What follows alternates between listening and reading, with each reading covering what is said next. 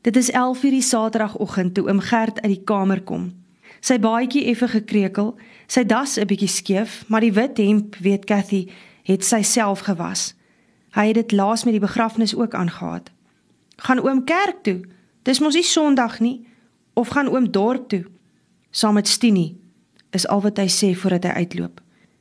Cathy gaan in die kombuisdeur staan en sien hoe hy die voetpad langs plaashuise kant toe loop. Sy bly in die deur staan totdat sy later sien hoe die perdekar by die werfhek uitry grootpad toe. Miskien verbeel sy haar dit net, maar sy is amper seker dat die twee wat agter op die perdekar sit, Stinie se dogters is. 'n Rukkie later hoor sy hoe die fort ook uitry. Seker ook dorp toe. Dis mos Saterdag. Almal is dorp toe. Net sy nie. Waar oom Gert nou skielik die geld vandaan kry om iets op die dorp te gaan koop, weet sy nie. Cathy trek haar skouers op en gaan by die kombuistafel sit. Vandat Tannie Hetta weg is, sê niemand haar ooit niks nie. Eintlik dink sy en vee driftig met haar hand oor die tafelblad asof daar krummels lê. Eintlik bestaan sy nie. Net Jopie wat soms kom gesels, net vir kort rukkies wanneer sy ma iewers heen is. Dit is nie baie nie. Sy snuif.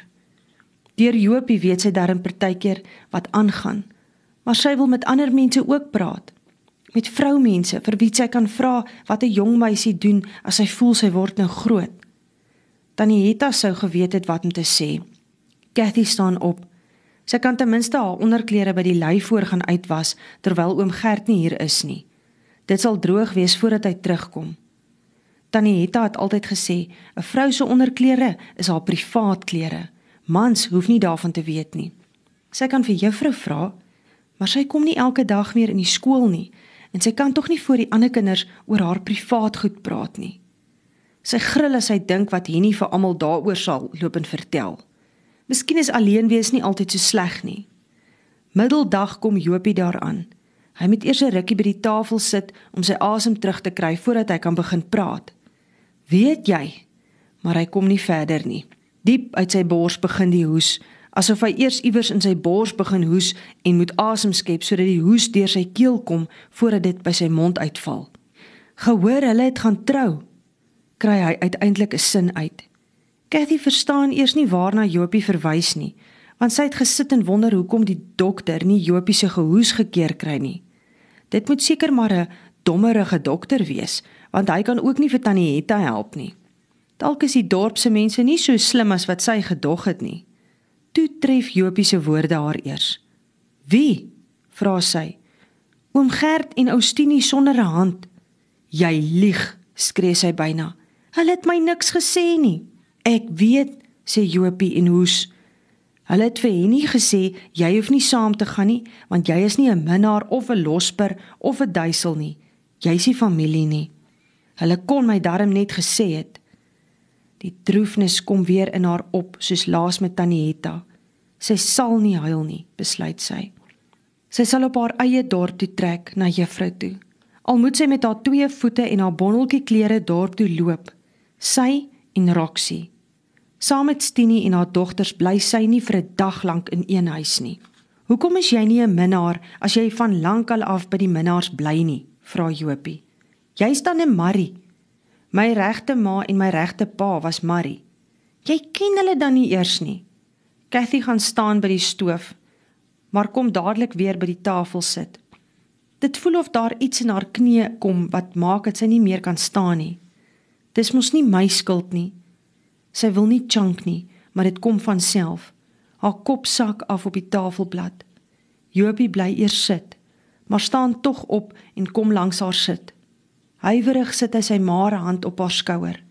Moenie huil nie. Ek het baie om oor te huil snik sy. Ek sal jou help. Hoe kan jy my help?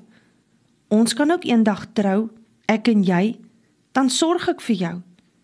Ons is nog te klein, antwoord sy. Sy met die woorde wat sy wou sê terugsluk. Sy wou vra of hy mal is, maar sy kan dit mos nie nou sê nie. Jopie is al mens wat vir haar omgee en hy sieklik. Gaan oom Gert nou by Stinie hulle bly? vra sy. Ek dink nie so nie. Hoe dan anders? vra sy. Ek het gehoor Henny sê hy en sy vrou gaan eendag in Stinie se huis bly. My pa het mos Tini se plaas vir Henny gekoop. Gaan Tini en oom Gert op die dorp bly? Ek weet nie. Solank hulle net nie dink hulle gaan hier bly nie. Cathy staan op.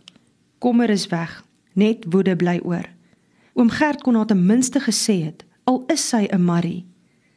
Eers toe hulle laatmiddag die perdekar in die plaaspad oor afkom, maak Jopie aanstaltes om huis toe te gaan. Asof hy dink hy moes by haar bly om haar te troos. Ek het nie troos nodig nie, dink Cathy. Daarvoor is ek te woedend. En sy kon ook nie haar klere was nie. Dit lyk of die perdekar by die plaashuise werfhek huiwer voordat dit skielik wegdraai en direk na die minnaar se huis toe kom. Cathy wil die huis invlug of om die huishol om in die een van die ou kleims te gaan wegkruip. Maar voordat sy kan beweeg, hou die perdekar naby die agterdeur stil. Sy moet Roxy aanpraat toe sy die perde wil storm. Kom haal net my slaapgoed. Oom Gert brom die sinnetjie onderlangs. Hy kyk nie vir haar nie. Is julle nou getroud? vra Cathy. Ja, maar dit is Tini wat antwoord. Waar gaan julle bly? vra Cathy. Hier, sê die twee meisies wat agter hulle ma se rug op die kar sit. Hulle guggel. Oom Gert is die huis in. Sorg jy nou maar net dat die beddens opgemaak is. Stini praat bo van die perdekar af. Praat is eintlik die verkeerde woord, dink Cathy. Beveel, miskien eerder skree.